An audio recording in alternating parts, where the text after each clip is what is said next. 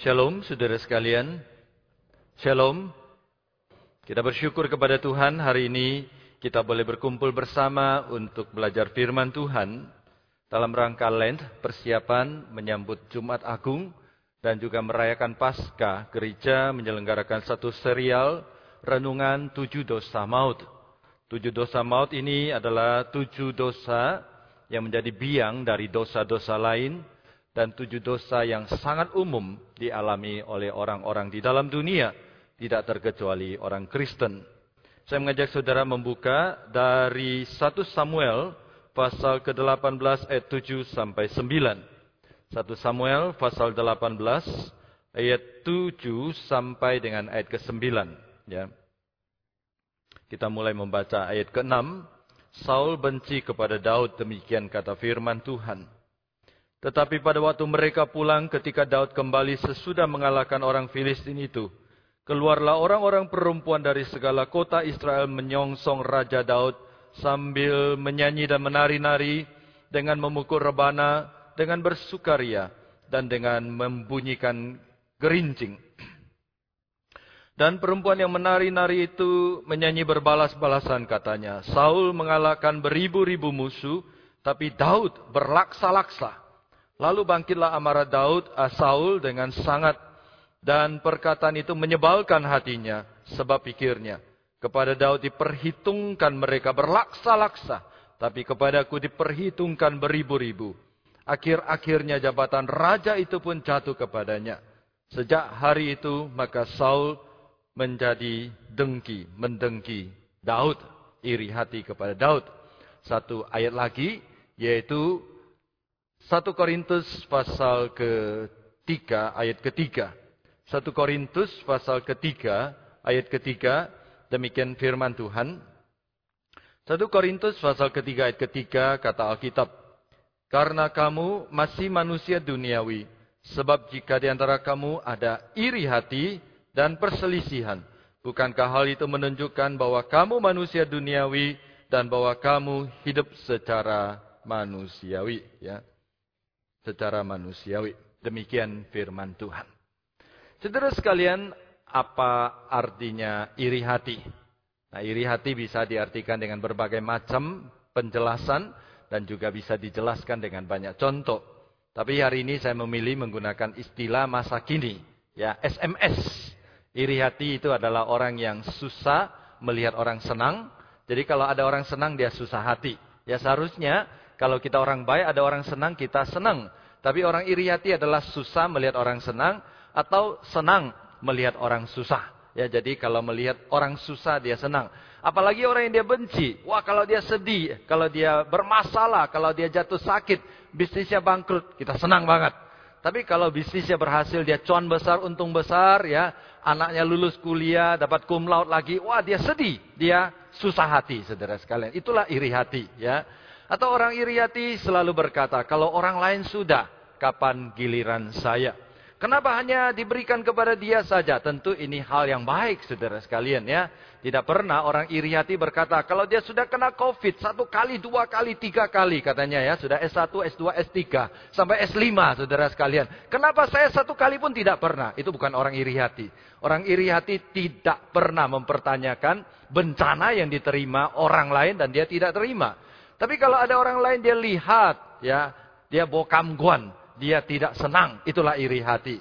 Atau iri hati itu adalah dia terus ya, dia bertanya kenapa dia terus mendapat kebaikan, kenapa bukan saya?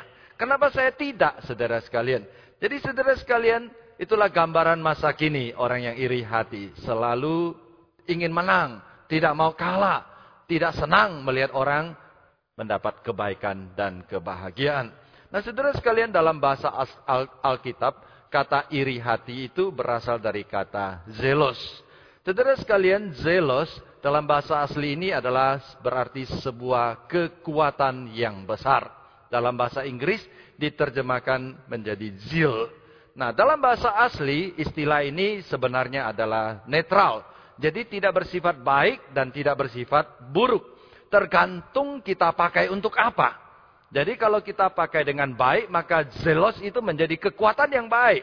Tapi kalau kita pakai tenaga ini, energi ini di dalam diri kita, kalau kita pakai untuk perbuatan jahat, maka itu menjadi iri hati.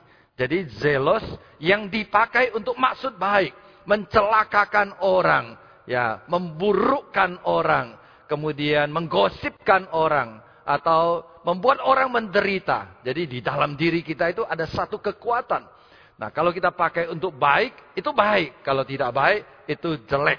Nah, menariknya saudara sekalian, kata ini dipakai di dalam Alkitab, baik untuk perbuatan baik maupun untuk perbuatan jahat. Contohnya adalah saudara sekalian, untuk hal-hal positif. Dalam Yohanes pasal 2 ayat 17, berbicara tentang Yesus yang begitu bergelora, mencintai Tuhan.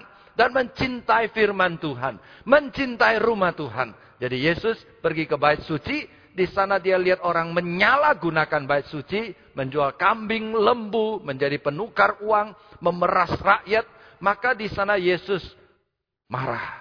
Yesus membalikkan tempat menukar uang, mengusir binatang-binatang, kemudian mengusir orang-orang yang menjual binatang-binatang di sana. Di sana dikatakan, ya, cintaku, cinta daripada Yesus kepada rumah Tuhan. Itu menghanguskan. Jadi saudara sekalian ini adalah sebuah kekuatan yang besar di dalam diri kita. Kalau kita pakai untuk hal yang baik, itu menjadi sesuatu yang baik. Demikian juga 2 Korintus pasal 7 ayat 7. Rasul Paulus mengatakan kepada jemaat di Korintus bahwa kesungguhanmu untuk membela aku. Jadi kalau seseorang dia sungguh-sungguh membela, kalau itu niatnya baik, maka tenaga itu besar. Ya, sama seperti seorang mama. Kalau seorang mama dia punya niat membesarkan anak, membahagiakan anak, maka dia akan pakai tenaga itu. Ya, jadi kata orang seorang mama itu tidak pernah sakit, ya. Kalau seorang papa di rumah sakit itu lebih parah daripada bayi katanya ya. Tapi kalau mama sakit, tetap di dalamnya itu ada satu tenaga, energi yang tidak habis dan dia pakai untuk menolong satu keluarga, mendukung dan menopang satu keluarga. Nah, kata ini, zil ini, zelos ini juga dipakai untuk hal-hal yang buruk. Ya. Contohnya adalah kisah para rasul pasal 5 ayat 17. Di sana dikatakan, imam besar dan orang saduki itu iri hati kepada para murid. Kata iri hati ini juga memakai kata zelos. Kemudian dalam 1 Korintus pasal 3 ayat 3 yang kita bacakan tadi di antara sesama orang Korintus ya.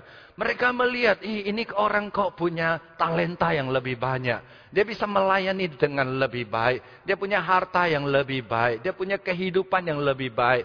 Di antara mereka itu berlomba-lomba. Ya, jadi ada orang mengatakan bahwa kalau di dunia ini ada namanya Miss Universe yaitu perempuan-perempuan yang cantik uh, uh, mempertandingkan ya katanya tiga beauty, brain, and apa satu lagi saya lupa saudara sekalian ya.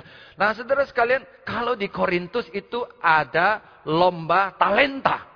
Jadi mereka lomba talenta ini, talenta ini, talenta ini. Nah tujuannya apa saudara sekalian? Tujuannya bukan untuk memuliakan Allah. Tapi tujuannya untuk menunjukkan kehebatan orang lain. Jadi saudara sekalian. Jadi ketika kekuatan ini, energi ini dipakai untuk hal-hal negatif. Maka itulah yang disebut dengan iri hati. Jadi di sini kita melihat saudara sekalian. Waktu Tuhan menciptakan kita sebagai manusia. Tuhan menempatkan satu energi yang besar di dalam diri kita. Dan energi itu kita seharusnya pakai untuk positif. Memuliakan Allah menjadi berkat bagi sesama. Jadi kalau orang sungguh-sungguh cinta Tuhan. Maka tidak ada yang bisa menghalangi mereka untuk mewujudkan cintanya kepada Tuhan. Contohnya adalah para rasul. Ketika mereka sungguh-sungguh cinta kepada Tuhan. Zil itu, semangat itu dia persembahkan. Bahkan ketika mereka ditangkap, ketika mereka diadili, ketika mereka dipukul, itu tidak bisa menghapus semangat mereka. Jadi itu adalah seperti ibarat sebuah api yang besar. Yang terus membara di dalam hatinya. Tapi kalau dipakai untuk negatif saudara sekalian. Itu akan sangat merugikan dan menghancurkan orang. Dan kata ini dipakai untuk menggambarkan kekuatan dan betapa bahayanya iri hati di dalam manusia. Jadi sampai di sini saudara sekalian kita mengetahui dan kita mempelajari bahwa iri hati itu bisa hinggap dan bisa menjadi penyakit siapa pun juga. Bahkan pengalaman saya saudara sekalian, saya, ketika saya mempersiapkan khotbah ini, saya merefleksi, introspeksi kepada diri saya, apakah saya punya iri hati. Saya tidak munafik saudara sekalian, saya juga katakan, saya juga punya iri hati. Kadang-kadang ketika saya melihat orang tertentu sukses, saya kurang senang saudara sekalian ya. Ketika saya melihat orang tertentu hancur, bangkrut. Wah senang sekali saudara sekalian. Dalam hati saya berkata, rasain saudara sekalian ya. Nah ketika orang yang tidak saya senang berhasil, saya bertanya, kok dia, kok bukan yang lain, kok bukan saya saudara sekalian. Jadi iri hati itu bisa hinggap kepada siapa pun juga. Kepada ibu-ibu, kepada bapak-bapak. Bahkan dalam relasi yang baik pun. Antara suami dan istri kadang-kadang bisa saling iri hati. Nah kadang-kadang di dalam gereja hamba Tuhan, majelis, pengurus juga bisa iri hati. Bahkan kadang-kadang ya ada namanya iri hati berjamaah. Ya, tadi Pak Agus sudah menyampaikan. Contoh iri hati berjamaah itu adalah koko-kokonya, kakak-kakaknya Yusuf secara berjamaah. Ya, iri hati kepada Yusuf. Lalu mereka mencoba menghancurkan Yusuf. Nah, kadang-kadang saudara sekalian, kondisi yang tidak enak ada gereja, satu gereja secara berjemaah, iri hati kepada gereja lain. Loh kok gereja itu bertambah terus jemaatnya ya? Kok gereja itu kelihatan sukses terus? Kenapa gereja kita tidak berhasil? Nah saudara sekalian Tuhan tidak ingin supaya kita memakai iri hati, energi itu untuk apa? Untuk menghancurkan diri sendiri dan menghancurkan orang lain. Selanjutnya saudara sekalian kita belajar apa yang menyebabkan orang iri hati. Secara mendasar ada tiga hal yang membuat seseorang iri hati. Yang pertama adalah suka membandingkan diri sendiri. Ya, contoh iri hati di dalam Alkitab sangat banyak. Tapi saya pilih dua contoh saja. Yang pertama adalah Kain dan Habel. Kita tahu bahwa ketika Kain mempersembahkan korban, itu tidak diterima oleh Tuhan. Tapi kalau Habel mempersembahkan korban, itu diterima oleh Tuhan. Ya, banyak orang salah tafsir mengatakan karena Kain mempersembahkan ya sayur-sayuran itu tidak diterima oleh Tuhan, lalu Habel mempersembahkan binatang itu diterima oleh Tuhan, bukan saudara sekalian, ya. Jadi Kain hatinya sudah dikuasai oleh dosa. Jadi dia sudah benci kepada adiknya terlebih dahulu, dia baru mempersembahkan persembahan kepada Tuhan. Tuhan melihat hati Kain mempunyai niat yang tidak benar, maka Tuhan tidak menerima persembahan Kain. Jadi ketika saudara membaca Alkitab, Tuhan menegur Kain. Dosa sudah mengintip engkau. ya Ketika engkau mau melakukan kejahatan. Jadi saudara sekalian, jadi Kain sudah jatuh ke dalam dosa dulu. Dia sudah iri hati dulu. Dia mempersembahkan korban, lalu korbannya ditolak oleh Tuhan. Tapi dia suka memperbandingkan dirinya dengan Habel. Kenapa punya dia diterima, punya saya tidak diterima. Padahal kalau dia mau belajar, dia harus tahu penyebabnya. Dia tidak diterima karena hatinya sudah jahat. Niatnya sudah tidak benar. Demikian juga Saul dan Daud, firman Tuhan yang kita bacakan tadi. Ketika mereka pulang, ya perempuan-perempuan itu menyanyi, ya main terbana, ya kemudian main eh, gerincing dan uh, semua tari-tarian menyambut mengatakan Daud membunuh berlaksa-laksa. Berlaksa-laksa itu artinya berpuluh-puluh ribu. Sedangkan Saul membunuh beribu-ribu. Wah, jadi kalah saudara sekalian. Jadi perbandingan. Nah, saudara sekalian sebagai manusia, saya kira sulit bagi kita untuk tidak memperbandingkan diri. Betul tidak saudara sekalian? Ya, jadi kita apa saja mau di, kita bandingkan ya. Kadang-kadang warna kulit kita bandingkan saudara sekalian. Kegantengan kita bandingkan ya. Ya kadang-kadang orang bandingkan rambutnya. Eh rambut saya masih banyak punya diet sudah dikit saudara sekalian ya. Itu hal yang sederhana. Belum lagi hal-hal yang penting. Wah anak saya dengan anak dia ya. Istri saya dengan istri dia. Suami saya dengan suami dia. Mobil saya dengan mobil dia. Usaha saya dengan usaha dia. Pelayanan saya dengan pelayanan dia. Nah, saudara sekalian kita gampang terjatuh di dalam apa? Di dalam uh, jebakan untuk membandingkan diri. Kalau kita membandingkan diri terus dan terus masuk ke dalam perbandingan-perbandingan kita bisa jatuh ke dalam dosa iri hati ya. Jadi iri hati itu perbandingan itu dengan gampang menciptakan dua dosa. Dosa pertama kalau kita gagal, kalau kita lebih rendah maka kita iri hati. Tapi kalau dosa kedua kalau kita lebih berhasil, maka kita akan menjadi orang sombong. Ya, jadi kalau kita lebih baik, wah tuh kan saya lebih baik. Tapi kalau kita gagal, kita lebih rendah, kita menjadi iri hati. Nah, kita mulai gosip menceritakan yang tidak benar. Oleh sebab itu, kita harus menjadi diri kita sendiri. Apa yang Tuhan berikan kepada kita, itulah yang kita nikmati, kita syukuri, dan kita pakai untuk menjadi berkat bagi sesama. Yang kedua adalah orang yang tidak bersyukur. Orang yang iri hati adalah orang yang tidak bersyukur. Dia tidak pernah melihat apa yang Tuhan sudah berikan kepada dirinya menikmati apa yang Tuhan sudah berikan kepada dirinya dan memakai apa yang Tuhan berikan kepada dirinya untuk berbuat kebaikan menjadi berkat bagi banyak orang.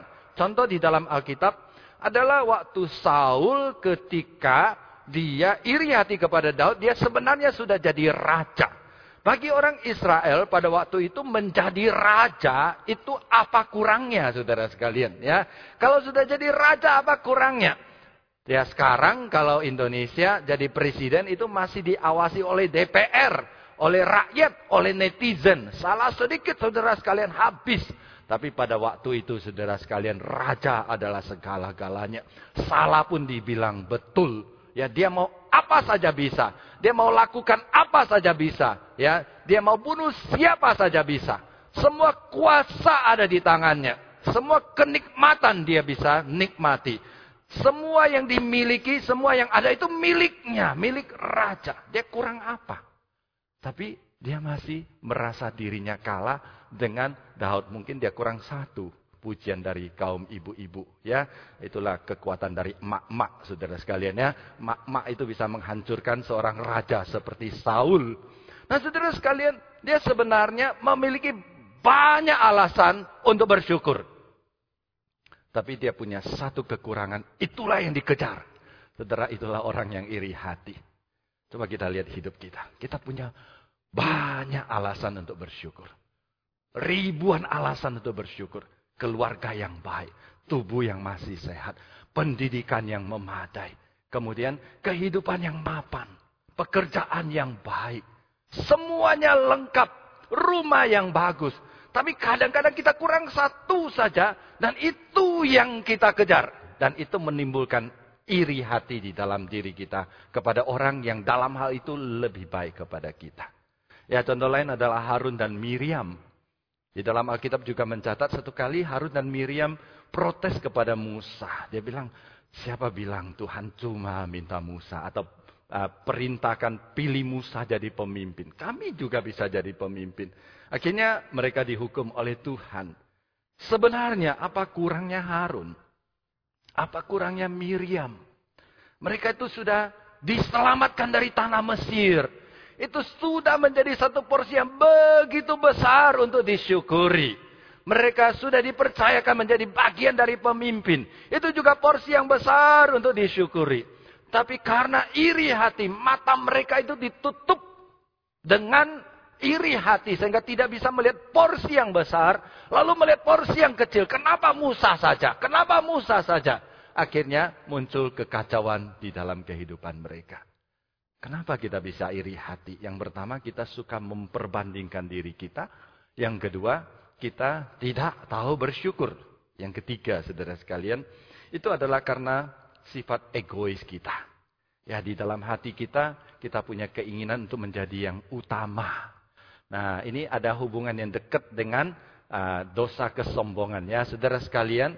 Ya memang secara psikologis ya mungkin berbagai macam dosa, tujuh dosa itu bisa dibagi, dibagi. Tapi pada kenyataannya sebenarnya di dalam hati kita itu bercampur jadi satu. Ya irisannya banyak sekali. Kesombongan iya ya, kemudian iri hati iya, kerakusan juga ada di dalam ya. Dan semua itu mengakibatkan hawa nafsu dan juga iya saudara sekalian semua itu berasal dari apa? Berasal dari satu potensi, energi yang besar. Yang Tuhan ciptakan di dalam diri kita. yang Tuhan titipkan kepada kita di dalam diri kita. Yang seharusnya kita pakai untuk memuliakan nama Tuhan. Tapi kita gagal memakai itu, sebaliknya kita pakai untuk memuaskan diri kita. Jadi orang yang egois itu selalu ingin menjadi yang paling utama. Selalu ingin menjadi paling utama ya. Ya saya pernah lihat ya seorang ibu ya dia terima rapot dari anaknya ya. Dia terima rapot dari anak. Wow, anaknya bagus ya nilai rata-ratanya. Delapan setengah, ya. Delapan setengah. Itu sudah bagus ya, sudah luar biasa ya. Tapi ketika dia tanya kepada tetangganya, kepada anak kamu rata-ratanya berapa? Ya, sembilan. Juara dua lagi. Anaknya juara berapa? Juara sepuluh. Seharusnya dia bersyukur ya. Tapi dia bokamgon. Loh kok anak tetangga lebih pinter ya. Jadi timbul iri hati di dalam dirinya. Nah saya mau anak saya nomor satu. Saya mau saya nomor satu. Egoisme di dalam hatinya. Kemudian orang yang egois itu adalah orang tidak memahami mengapa Allah memberkati dirinya. Saudara sekalian mengapa Allah memberkati kita. Mengapa Allah memberikan hikmat kepada kita. Mengapa Allah memberikan kekayaan kepada kita. Mengapa Allah memberikan kedudukan kepada kita. Mengapa Allah memberikan pengaruh kepada kita. Saudara sekalian, seorang yang iri hati, dia gagal memahami mengapa Tuhan titipkan semua itu untuk dia. Seorang iri hati menganggap, saya bisa kaya karena saya hebat, saya punya kedudukan yang tinggi karena saya mampu, maka saya akan pakai semua itu untuk diri saya, sehingga kalau ada orang yang lebih hebat daripada diri saya, saya tidak senang. Saya harus kalahkan dia. Padahal maksud Tuhan memberkati kita bukan demikian, bukan saudara sekalian. Tuhan memberikan kita pendidikan yang tinggi, ilmu yang tinggi, kepintaran hikmat. Supaya kita mencari sesuatu untuk memuliakan Tuhan dan menjadi berkat bagi sesama. Ketika Tuhan memberkati seseorang di dalam Alkitab, konteksnya selalu Tuhan menitipkan berkat itu kepada seseorang dan orang itu setelah mendapat titipan berkat itu dia harus salurkan kepada orang-orang di sekitar. Orang iri hati adalah orang egois. Wah, ini Tuhan sudah berikan kepadaku. Ya, jadi aku harus apa? Memanfaatkan sebaik-baiknya untuk diriku. Saudara sekalian, selanjutnya kita belajar apa akibat dari iri hati. Ya, sebenarnya kalau kita belajar dari Alkitab, maka kita bisa melihat ya. Tapi saya simpulkan, akibat iri hati itu ada tiga. Yang pertama, yang menarik adalah korban iri hati itu selalu orang yang dekat dengan kita. Nah ini menarik saudara sekalian. Kita tidak pernah iri hati dengan orang yang tinggal di Afrika Selatan. Itu jauh saudara sekalian ya. Kalau saudara mau iri hati, iri hatilah kepada orang di Afrika Selatan. Ya, nggak masalah ya. Saudara iri sampai mati nggak pengaruh kepada dia. Justru kita sering kali iri hati kepada orang-orang di sekitar kita. Ya, mungkin dia adalah anggota keluarga kita, mungkin dia adalah teman kerja kita atau teman sepelayanan kita, Mungkin dia adalah sahabat tetangga kita. Mungkin dia adalah orang segereja dengan kita. Mereka seharusnya adalah orang-orang di sekitar kita. Yang Tuhan titipkan di dalam kehidupan kita. Yang harus kita sayangi. Yang harus kita pelihara. Yang harus kita jadikan objek saluran berkat. Tapi sering kali karena keegoisan hati kita, ketidaksadaran kita akan status kita sebagai hamba Tuhan, maka kita pakai energi, potensi yang ada di dalam diri kita itu tanpa sadar. Seringkali kita dipakai oleh si jahat untuk mencelakakan dan untuk menyakiti orang-orang di sekitar kita. Jadi iri hati yang jadi korban itu selalu adalah orang-orang di sekitar kita. Kita iri kepada orang yang kita kenal, yang berada dekat dengan kita. Dan biasanya kita manusia itu pinter bermain drama. Ya, kadang-kadang ketika iri hati kita bisa saja pura-pura berlaku baik, menanyakan kebaikan ya saudara sekalian ya. Kadang-kadang kita bertanya, "Eh, gimana bisnismu?" ya. Ya, kita harap dia jawab, "Oh, bisnis saya susah." ya. Ah, tapi dia bilang, "Oh, puji Tuhan, bisnis saya baik." Langsung hati kita hancur saudara sekalian ya. Kok baik ya? Saya harap dia jahat ya. Ya, dia buruk saudara sekalian. Kita manusia ini pintar main drama ya. Kadang-kadang ya kita menggunakan topeng kebaikan, topeng pemerhatian untuk mencari cara supaya kita bisa melampiaskan iri hati kita. Oleh sebab itu berwaspadalah saudara sekalian.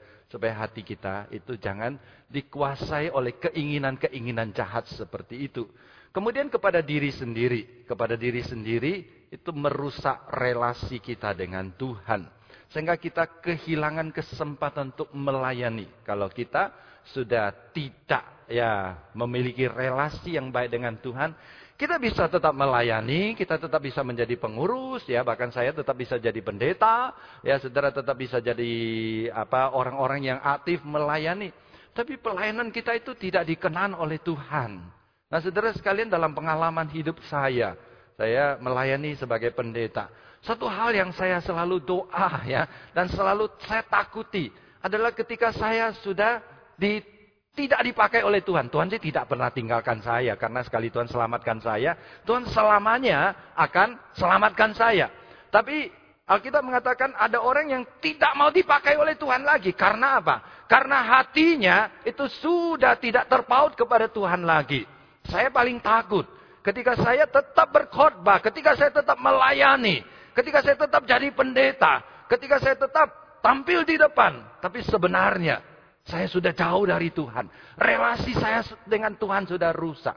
Bisa saja rusak oleh ketidakkudusan seksualitas saya.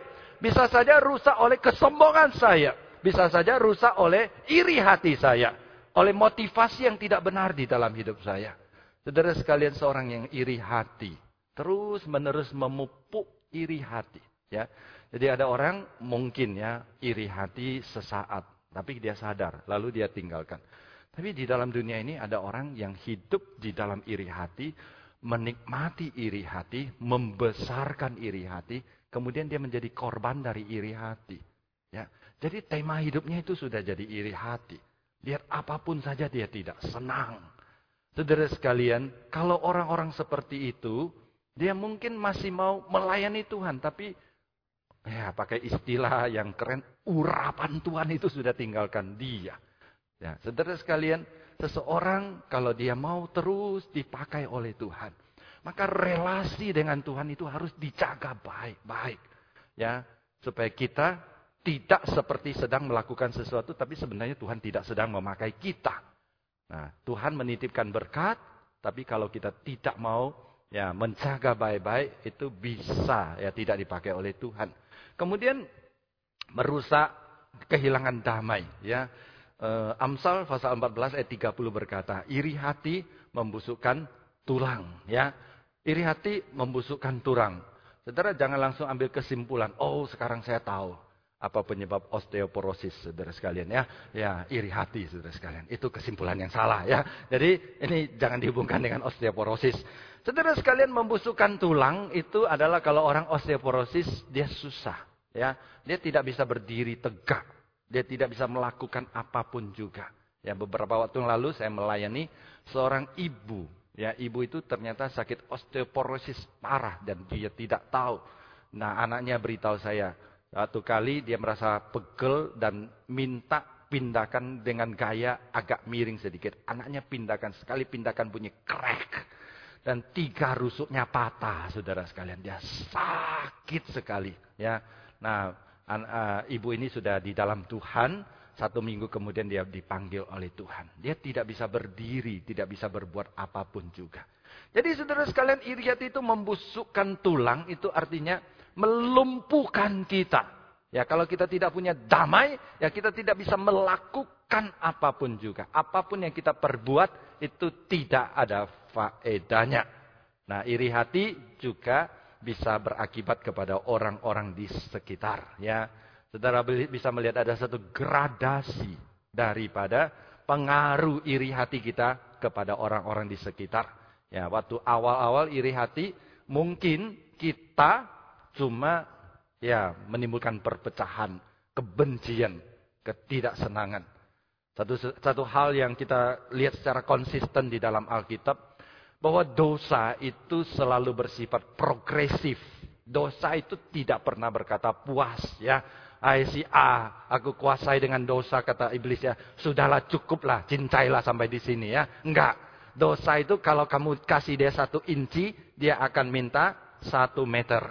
Kalau kamu kasih satu meter, dia akan minta dua meter. Kalau kamu kasih dua meter, dia akan meminta seluruh hidupmu. Kalau kamu beri seluruh hidupmu, dia akan minta keluargamu. Kalau keluargamu diminta, dia akan terus menghancurkan.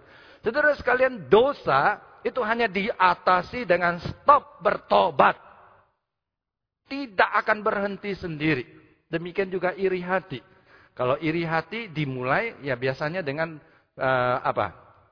Kerusakan relasi. Kemudian Ya, sering kali kalau terus-menerus dilakukan, ya terus-menerus dilanjutkan, itu bisa menimbulkan luka. Luka di dalam hati. Dan sering kali, ya orang kalau iri hati, ya kalau dia termasuk vulgar, dia bisa juga mencelakakan orang lain.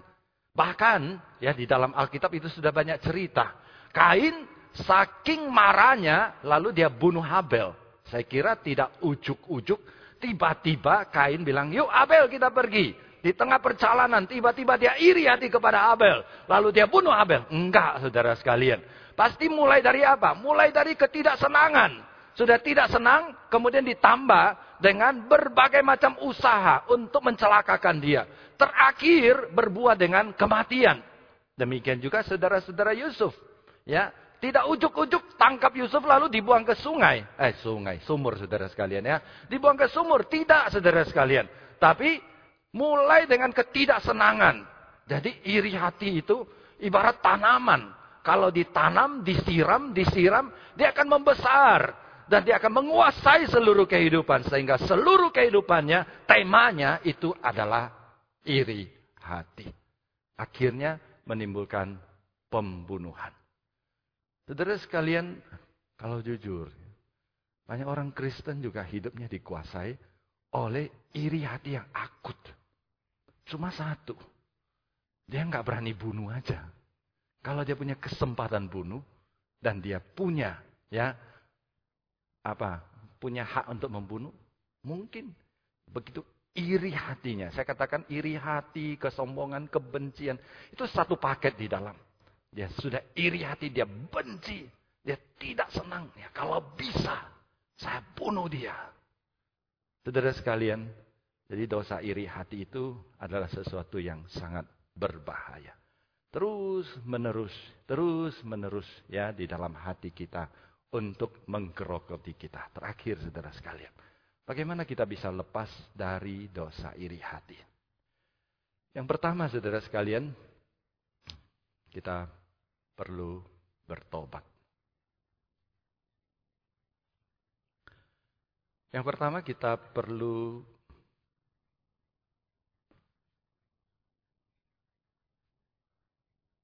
ya, perlu bertobat.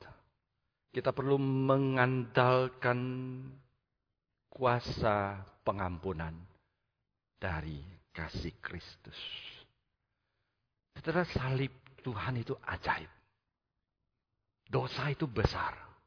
Tapi salib Tuhan, kasih Tuhan, itu lebih besar daripada segala dosa. Anugerah Tuhan itu ajaib. Roma mengatakan kalau dosamu kecil, anugerah Tuhan lebih besar. Dosamu lebih besar, anugerah Tuhan lebih besar. Dosamu sangat besar, anugerah Tuhan itu jauh lebih besar daripada dos, dosa kita. Sehingga Tuhan mampu menolong kita untuk menyelesaikan dosa iri hati di dalam diri kita. Jadi obat untuk dosa iri hati itu adalah darah Kristus.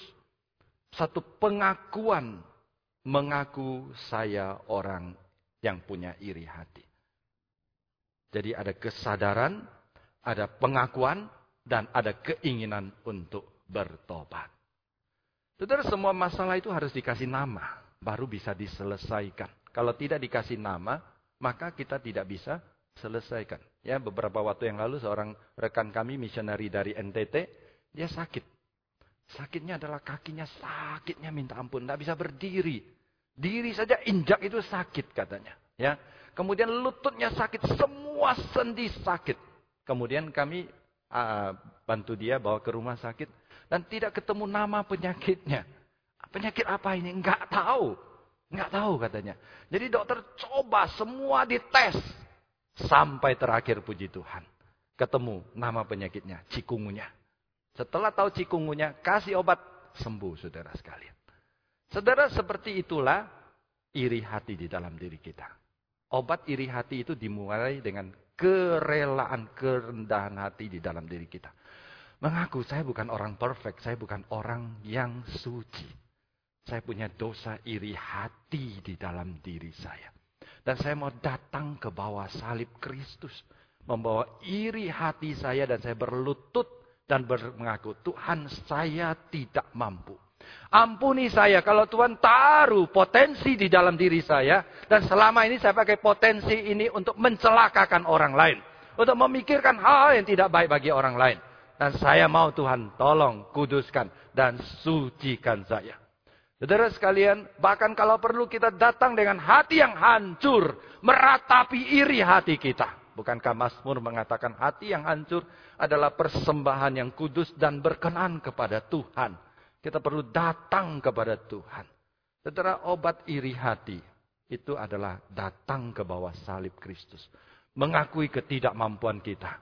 Dan meminta Tuhan, darahnya sekali lagi menyucikan kita. Saudara sekalian, saya merasa darah Kristus itu akan terus menerus menyucikan kita.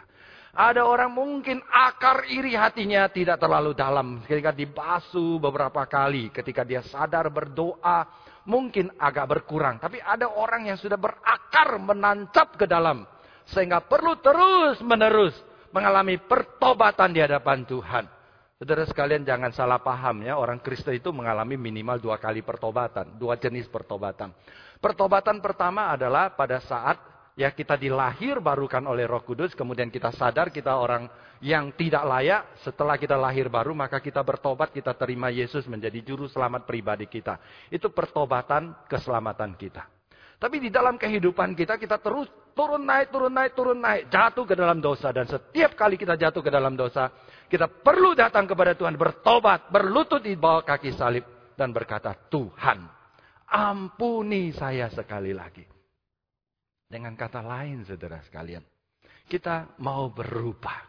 Kita sadar, kita penuh dengan benih-benih iri hati di dalam diri kita. Ya, kita suka membandingkan diri, kita tidak bersyukur, kita egois, kita mau jadi orang utama, kita tidak senang melihat orang senang, kita senang melihat orang susah, Saudara sekalian, benih-benih seperti itu adalah benih-benih iri hati. Dan kalau kita tidak mau serahkan kepada Tuhan. Tuhan itu, uh, semua itu akan menggerogoti jiwa kita sehingga kita menjadi orang yang sangat toksik. Dan menjadi orang yang mencelakakan orang di sekitar kita. Saudara sekalian, kita juga harus selalu dibawa terang roh kudus. Mawas diri, sensitif terhadap godaan iri hati. Nah, jadi kita kalau ada memperbandingkan diri, ada kecurigaan, ada ketidaksenangan, kita cepat padamkan itu dengan kuasa Roh Kudus. Dan secara praktis, saudara sekalian, mari kita banyak belajar bersyukur kepada Tuhan. Kalau saya katakan tadi kita punya potensi di dalam diri kita, pakai potensi itu untuk mencari berkat Tuhan di dalam hidup kita. Dan bersyukur untuk berkat Tuhan, saudara sekalian. Ya, kalau saudara malam tidak bisa tidur, apa yang saudara pikirkan? Kalau malam saudara tidak bisa tidur, yang saudara pikirkan si itu jahat, si itu jahat, si ini tidak baik, saudara sekalian hidup saudara menjadi rusak. Tapi kalau malam kita tidak bisa tidur, kita pakai energi kita untuk memikirkan, menghitung anugerah dan berkat Tuhan. Saudara, bukankah itu indah? Kalau kita tidak bisa tidur, kita dengarkan pujian. Sampai jam 2, jam 3, tetap pujian itu kita dengar. Kita pakai hati kita, energi kita untuk hal positif. Dan terakhir saudara sekalian, mari kita pakai energi kita untuk membantu orang-orang di sekitar kita. Nah sering kali saudara sekalian, kita ini merasa orang-orang di sekitar itu tidak punya kebutuhan. Bukan tidak punya kebutuhan. Tapi sering kali telinga kita itu tertutup saudara sekalian. Mata kita itu tertutup. Hati kita itu tertutup. Ya saudara, sebagian besar pasti pernah ke Singapura. Kalau ke Singapura pasti pernah naik MRT, naik bis. Ada satu fenomena kalau jam-jam sibuk saudara sekalian, bis selalu penuh, MRT selalu penuh. Ada fenomena. Kadang-kadang orang di dalam MRT itu ya di tengah-tengah itu kosong, tapi di pintu masuk itu jejeran sampai seperti sarden berdiri saudara sekalian. Sampai ada orang harus teriak, move, move, baru orang mau move saudara sekalian. Nah setelah saya perhatikan kenapa saudara sekalian, apakah mereka tidak peduli? Tak tahu. Tapi yang saya perhatikan adalah mereka yang tidak move itu umumnya berdiri pegang gadget. Ini ditutup saudara sekalian mata lihat ini. Dia tidak peduli. Tidak peduli ini kosong dan ini orang berjejer seperti sarden. Sampai orang teriak dia baru gerak, gerak geser sedikit. Seringkali ya kita adalah orang-orang seperti itu. Telinga kita itu ditutup, tertutup dengan semua kebutuhan kita. Mata kita itu tertutup dengan iri hati kesombongan dosa kita. Hati kita itu dipenuhi dengan ketidakbenaran. Sehingga banyak orang di sekitar kita itu berteriak-teriak minta tolong. Kita tidak melihat dan tidak mendengar.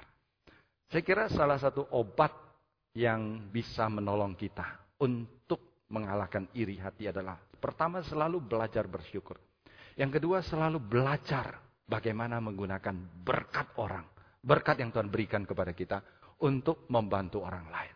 Dengan demikian saudara sekalian, kita punya energi kita pakai secara benar untuk memuliakan nama Tuhan dan menjadi berkat bagi sesama. Tuhan memberkati kita. Mari kita berdoa.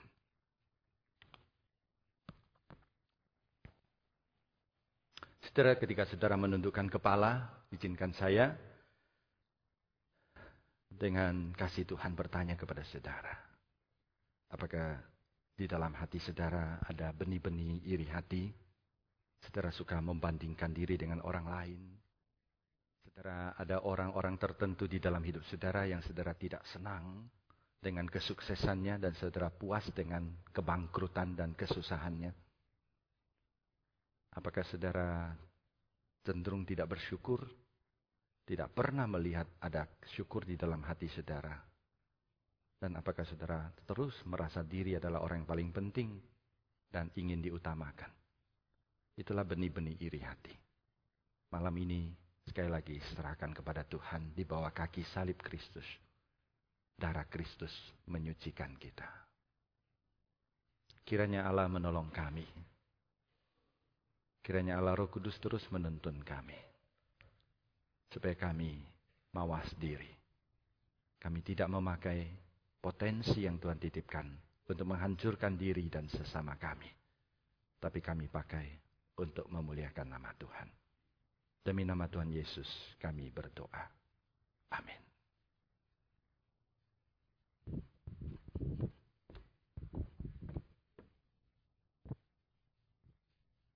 Terima kasih Pak Tim.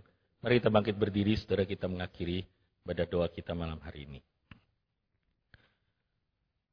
Tuhan kami bersyukur karena sebagian dari kami Tuhan sudah tolong pada hari ini dalam menahan diri dari makan dan memfokuskan diri untuk masa-masa Lent ini mengingat kepada siapakah diri kami yang debu, yang sering kali memang seperti kebenaran Alkitab sudah singkapkan betapa banyaknya di dalam hati kami ini yang terus-menerus perlu dibereskan.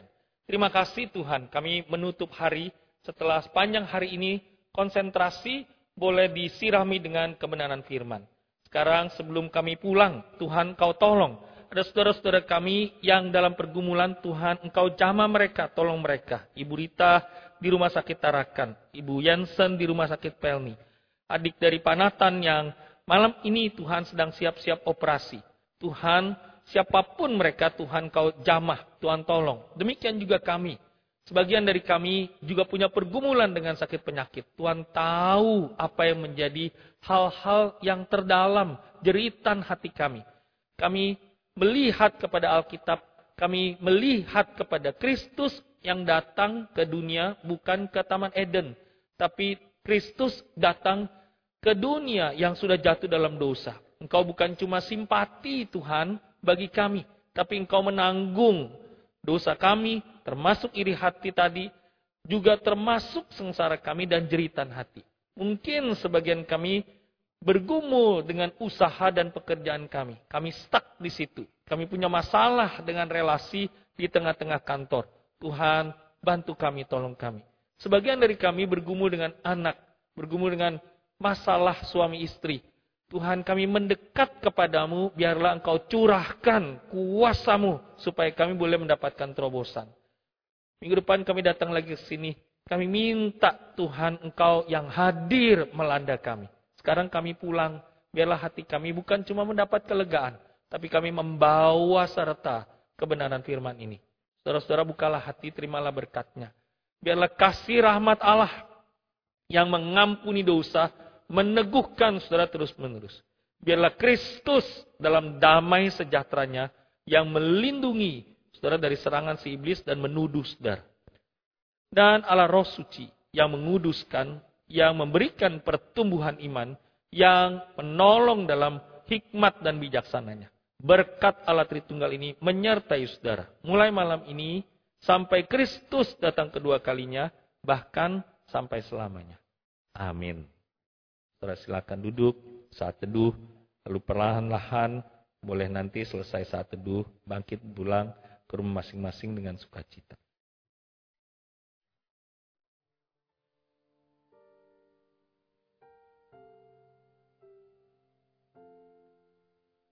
Tuhan berkati saudara, selamat malam, sampai ketemu di Rabu yang akan datang.